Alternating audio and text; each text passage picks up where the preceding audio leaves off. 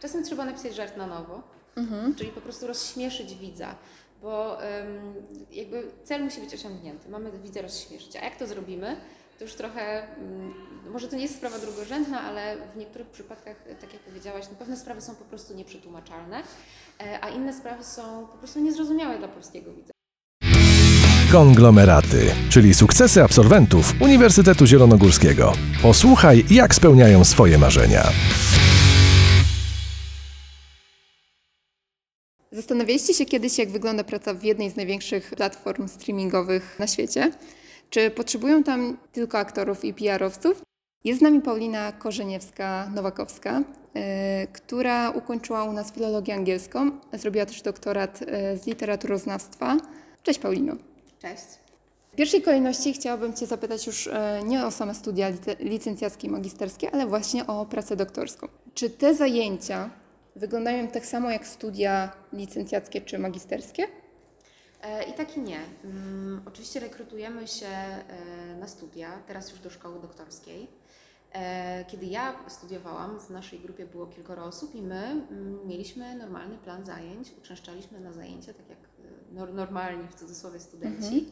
Em, Ale to była tylko część naszej pracy, bo dużo ważniejszym aspektem em, jest jednak kontakt i praca z promotorem Jasne. albo e, promotorką. E, Jakby no, całym clue tych mm, czteroletnich, pięcioletnich studiów, e, pięcioletnich czasami, e, jest to, żeby napisać i przygotować pracę, e, która potem zostanie e, obroniona.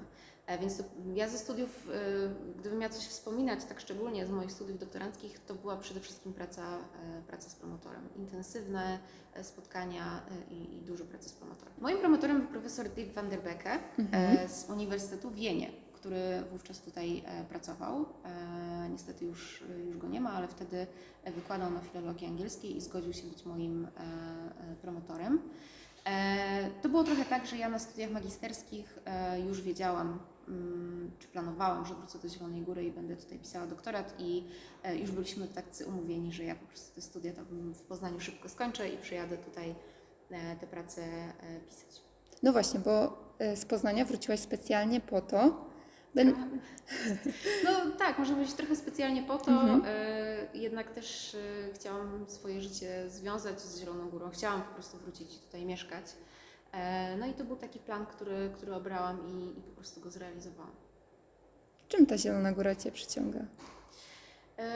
Ja jestem stąd. Ja czuję się zielonogórzanką, dobrze mi tu. Odpowiada mi atmosfera tego miasta, odpowiada mi jego wielkość. E, Nie twierdzę wcale, że w Poznaniu mieszkało mi się źle, bo to też były bardzo fajne dwa lata w moim życiorysie. E, Ale tutaj, tutaj, są, tutaj jest moja rodzina, tutaj są moi przyjaciele. Mm, No i po prostu dobrze się tutaj czuję. Czy Zielona Góra to dobre miejsce dla filologów angielskich? Czy nie ma tutaj przesytu już, e, jeżeli chodzi o tłumaczy, nauczycieli? Ja uważam, że dobry filolog i dobra filolożka wszędzie e, się odnajdą. To jest zawód czy wykształcenie, mm, które jest bardzo elastyczne i myślę mm, pożądane na rynku pracy, nie tylko w takich typowych zawodach, z którymi kojarzymy e, filologów, czyli albo nauczyciel, albo tłumacz. Em, Wspominałam już wcześniej, kiedy rozmawiałyśmy, e, bardzo dużo moich studentów i też moich znajomych ze studiów decydowało się na inny kierunek, e, czyli byli na przykład filologami i ekonomistami, albo filologami i psychologami. E, Czy to dobra droga? Decydować się na dwa kierunki? Uważam, że, uważam, że bardzo dobra. Przy dobrej organizacji, e, przy, przy pracowitości i dobrych chęciach e, uważam, że wszystko da się pogodzić i to jest bardzo dobra droga. Dobrze. Ty wspominałaś o tym, że pracujesz mm, jako tłumaczka, dokładnie, dla Netflixa. Tak. I chciałam Cię zapytać o takie najpierw kwestie techniczne, czyli jak się dostałaś w ogóle do, e, jak dostać pracę właśnie przy, e, przy tłumaczeniu filmów, seriali również? E, Trzy lata temu e, Netflix organizował dużą e, rekrutację mm, dla tłumaczy z wielu języków. Ja o niej się dowiedziałam dosyć e, przypadkowo e, i zdecydowałam się wziąć w niej udział. Rekrutacja była wieloetapowa. e, Mm, Okej, dłu- bardzo długo trwało. To trwało, z tego co pamiętam, około 9 miesięcy. to bardzo E, długo. Najpierw seria testów, e, później seria rozmów, E, Potem taki, takie trochę samoszkolenie, dlatego że trzeba było po prostu przejść przez e, program szkoleniowy samemu, potem zdać test jakby z tego całego materiału, który się przyswoiło. Ale na czym polegał ten program szkoleniowy? Mm, No, Netflix ma bardzo y, konkretny zestaw y, zasad y, dotyczących tego, w jaki sposób tłumaczone są ich programy. No i to wszystko trzeba było przyswoić również taką wiedzę techniczną dotyczącą programów, na których się pracuje, wszystkich narzędzi, z których Netflix korzysta. No więc przede wszystkim, przede wszystkim to. E, No i seria takich rozmów, ja też wspominałam, że jestem quality che- checkerką, tak zwaną QCR-em, e, więc sprawdzam pracę innych osób. y, Też inny zestaw umiejętności jest potrzebny do tego, żeby sprawdzać pracę po kimś, e, niż żeby samemu tłumaczyć. Więc przeszłam ten długi proces. Zostałam przez nich zatrudniona, choć tak naprawdę to jest złe słowo, dlatego że ja jestem freelancerką. Pracuję z nimi na zasadzie B2B. E, Pracuję ile chcę, kiedy chcę, co mi bardzo odpowiada. Mm, Jednak Netflix to jest y, no, amerykańska korporacja, jednak z taką kulturą pracy bardzo elastyczną, powiedziałabym. I ja sobie, ja sobie to bardzo e, chwalę. I tak ta współpraca się już układa bardzo dobrze od, y, od, od kilku lat. Y, Pracy jest w brud, czasem nawet trochę za dużo. No ale jednak to jest firma, która się bardzo y, rozwija i tego kontentu tak zwanego, chociaż nie lubię tego słowa, em, oni wytwarzają naprawdę, naprawdę mnóstwo. Czy to ty się zgłaszasz do nich em, po materiał, czy to oni raczej zgłaszają się właśnie do ciebie? Bywa różnie. E, Często to ja Okej. e, się zgłaszam i e, akceptuję pewne mm, zlecenia, które są dostępne na ich platformie. E, Czasem to oni zgłaszają się do mnie, to znaczy mm, na przykład często jest tak, że jeżeli pracowałam nad pierwszym sezonem jakiegoś programu, to pracuję też nad drugim. Jeżeli na przykład pracowałam nad filmem czy programem o określonej tematyce, to oni też czasem wychodzą z propozycją, żeby zająć się innym programem, który jest podobny, ponieważ mam już jakby pewne obycie ze słownictwem związanym z tą tematyką. Em, No także to wychodzi bardzo różnie. Praca przy którym filmie, serialu była najtrudniejsza? Dla mnie najtrudniejsze zawsze są programy dla dzieci, Dlaczego? e, dlatego że jest tam mnóstwo piosenek, e, rymowanek e, i to wymaga pracy, żeby oddać to w języku polskim, żeby mm, rymować w języku polskim również, czy żeby te piosenki brzmiały w odpowiedni sposób. Poza tym też mm, wydaje mi się, że y, bardzo łatwo jest y, mm, zepsuć bajkę dla dzieci. Trzeba jednak dzieci e, traktować trochę jak poważnych odbiorców em, bajek. To znaczy e, trzeba przykładać się do tego, żeby język, który dzieci słyszą w takich bajkach był jednak językiem e, no takim no nie chcę być na wysokim poziomie, ale y, no, żeby po prostu poważnie traktować dzieci jako odbiorców i przykładać się do tego, co one słyszą e, i co oglądają. Ale kiedy widzisz, kiedy zauważasz, że e, dane tłumaczenie to już taka lekka przesada, jeżeli chodzi o tłumaczenie dla dzieci? Lekka przesada to masz na myśli co? E, Bo mówisz, że język, samo tłumaczenie musi być też w pewnym kontekście skierowane do dzieci, ale nie infantylne. Tak, tak. No, ja myślę, że dużo tutaj e, zależy od, od doświadczenia tłumacza i takiego wyczucia e, też formatu, w jakim, e, w jakim jest ta bajka. No, ja bardzo nie lubię mm, takich bajek, które na przykład infantylizują różne słowa. E, oczywiście neologizmy są bardzo potrzebne i, i, i w bajkach i w ogóle w całym kontencie dla dzieci ich, ich jest bardzo dużo, e, ale też e, staram się, żeby nie było tego zbyt wiele, em, żeby język był prosty, zrozumiały, ale mimo wszystko e, jednak było tam dużo mowy wzorcowej. Praktycznie, jak wygląda praca tłumacza? Siadasz przed tekstem i co dalej?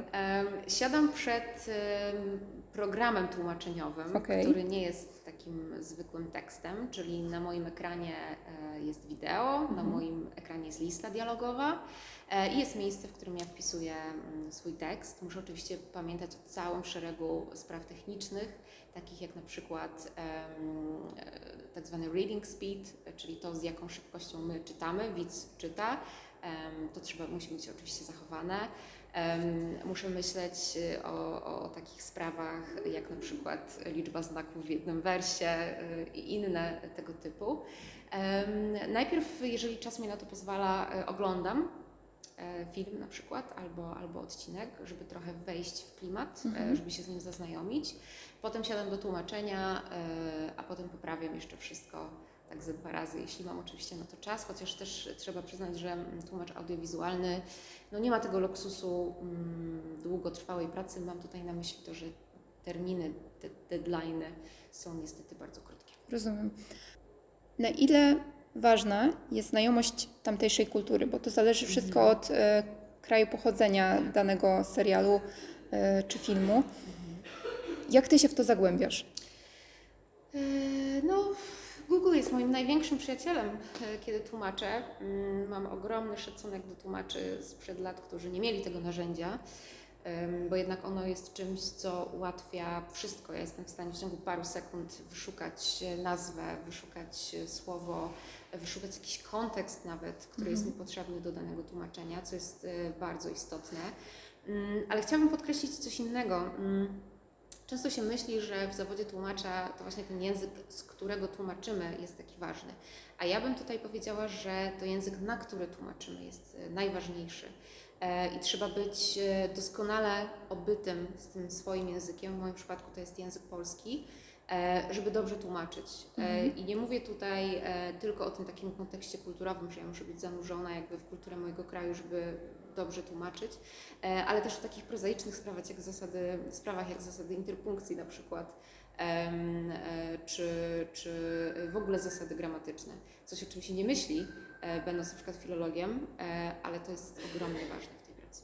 Mnie zawsze zastanawiało, jak to jest, że kiedy tłumaczy się na przykład materiał, załóżmy pochodzący z USA, tam wiadomo jest inna kultura, inne przyzwyczajenia, inne tradycje i są też żarty, które są mm, skierowane typowo pod tamtejszym, tamtejszych ludzi i później to jest przekładane na nasz język. Jak to wytłumaczyć polskiemu widzowi?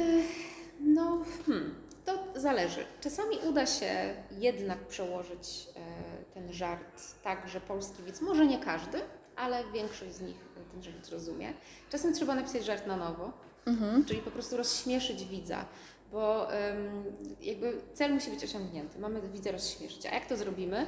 To już trochę, mm, może to nie jest sprawa drugorzędna, ale w niektórych przypadkach, tak jak powiedziałaś, no pewne sprawy są po prostu nieprzetłumaczalne, e, a inne sprawy są po prostu niezrozumiałe dla polskiego widza. Tak? Jeżeli mówimy o jakimś, powiedzmy, mm, mało znanym polityku ze Stanów Zjednoczonych, e, no to, to nazwisko naszemu widzowi zupełnie nic nie powie. I co wtedy? No, wtedy trzeba być kreatywnym, e, trzeba myśleć, e, trzeba opowiadać naokoło, e, trzeba ucinać pewne rzeczy. No to już taka, mm, to bardzo kreatywne zajęcie. No właśnie, na ile ważna jest kreatywność w Twoim zawodzie? Bardzo, bardzo. W tym zawodzie, w obu moich zawodach, bo y, moja praca wykładowczyni też wymaga ode mnie dużej kreatywności, e, a praca tłumaczki może nawet jeszcze, jeszcze większej. Mm, Przydaje się na pewno lekkie pióro. E, Przydaje się e, właśnie taka swoboda w poruszaniu się w obu językach i w obu kulturach.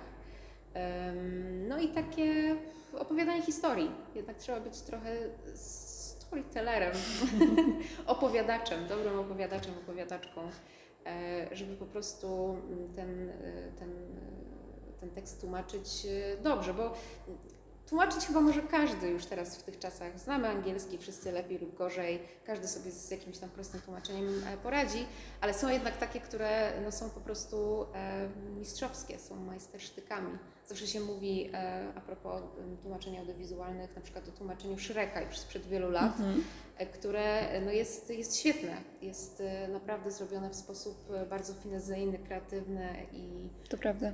E, No, jednak te teksty czy, czy, czy słowa z tego właśnie tłumaczenia, one zostały z nami, one są obecne w kulturze, tak? Zostały z nami na wiele lat, co myślę świadczy właśnie o wysokiej jakości tego tłumaczenia. Absolwenci UZ i ich sukcesy. To jest podcast Konglomeraty. Zawsze zadaję jedno pytanie e, swoim rozmówcom, jedno to samo pytanie i zastanawiam mnie, czy są jakieś mity związane z Twoim zawodem. E, Mity związane z moim zawodem em, chyba taki, że jest prosty, łatwy i przyjemny. Każdy może ten zawód wykonywać. Myślę, że nie każdy.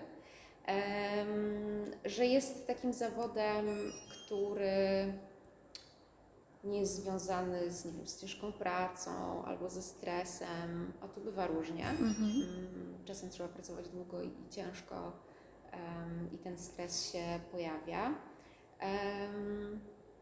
Jakie jeszcze mity? Mówimy tutaj tylko o zawodzie tłumaczki, rozumiem. Jeżeli chcesz to rozszerzyć, to proszę bardzo. No nie wiem, mity na temat zawodu wykładowcy, nie wiem jakie są mity na temat zawodu. Obstawiam, że jest ich bardzo dużo, ale lepiej nie wychodźmy poza. Tak, y, albo dużo jest stereotypów może związanych z No właśnie, no właśnie. Myślisz, że dlaczego? Y, Może dlatego, że studenci widzą nas tylko właśnie w tym środowisku takim e, podczas wykładu czy podczas e, ćwiczeń i wydaje im się, że zawsze tacy jesteśmy. A e, próbujesz trochę łamać te stereotypy? E, Próbuję mieć na pewno partnerską relację ze studentami. Mm, Czasem na tym dobrze wychodzę, czasem gorzej, e, ale mimo wszystko staram się. Staram się też spędzać z nimi czas niekoniecznie w takiej atmosferze wyłącznie zajęć. E, Staram się organizować dla nich em, jakieś takie przeróżne jakieś eventy czy, czy spotkania O, okej. poza, e, poza zajęciami, żebyśmy mogli też trochę się poznać i porozmawiać trochę na inne tematy niż te związane z zajęciami. Em, No tak jak mówię, to się czasami udaje, czasami nie, e, ale, ale staram się. Wychodzę z taką inicjatywą. Em, Nie wiem, czy jestem stereotypową wykładowczynią. Jak patrzysz na swoich studentów teraz jako wykładowca?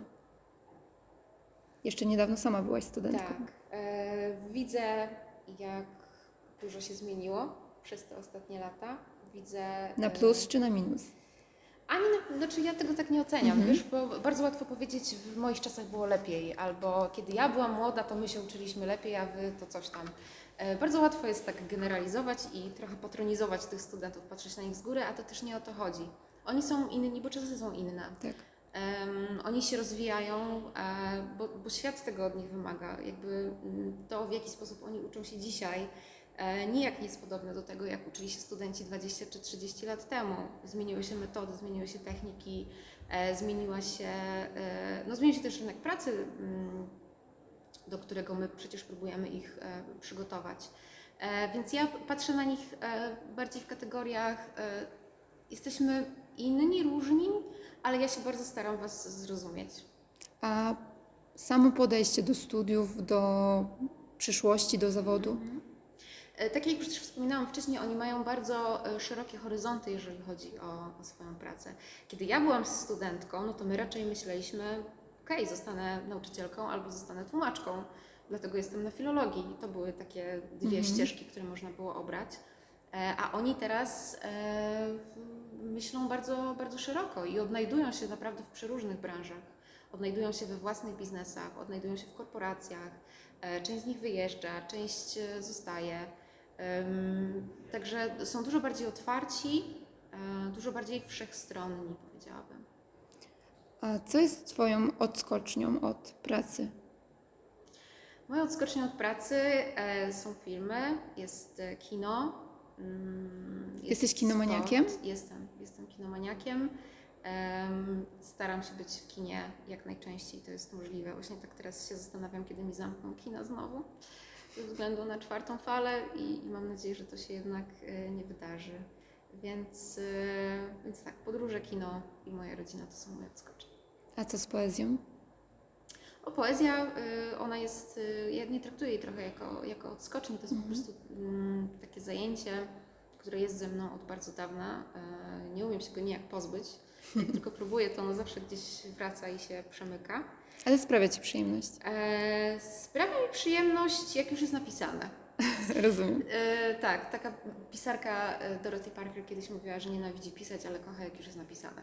I to ja mogłabym powiedzieć, że ten proces bywa frustrujący, e, bardzo samotny, czasami naprawdę trudny, ale e, taka duma z dobrze wykonanego zadania e, też się pojawia, jeśli chodzi o, o poezję. Tak myślę. Opublikowałaś już coś?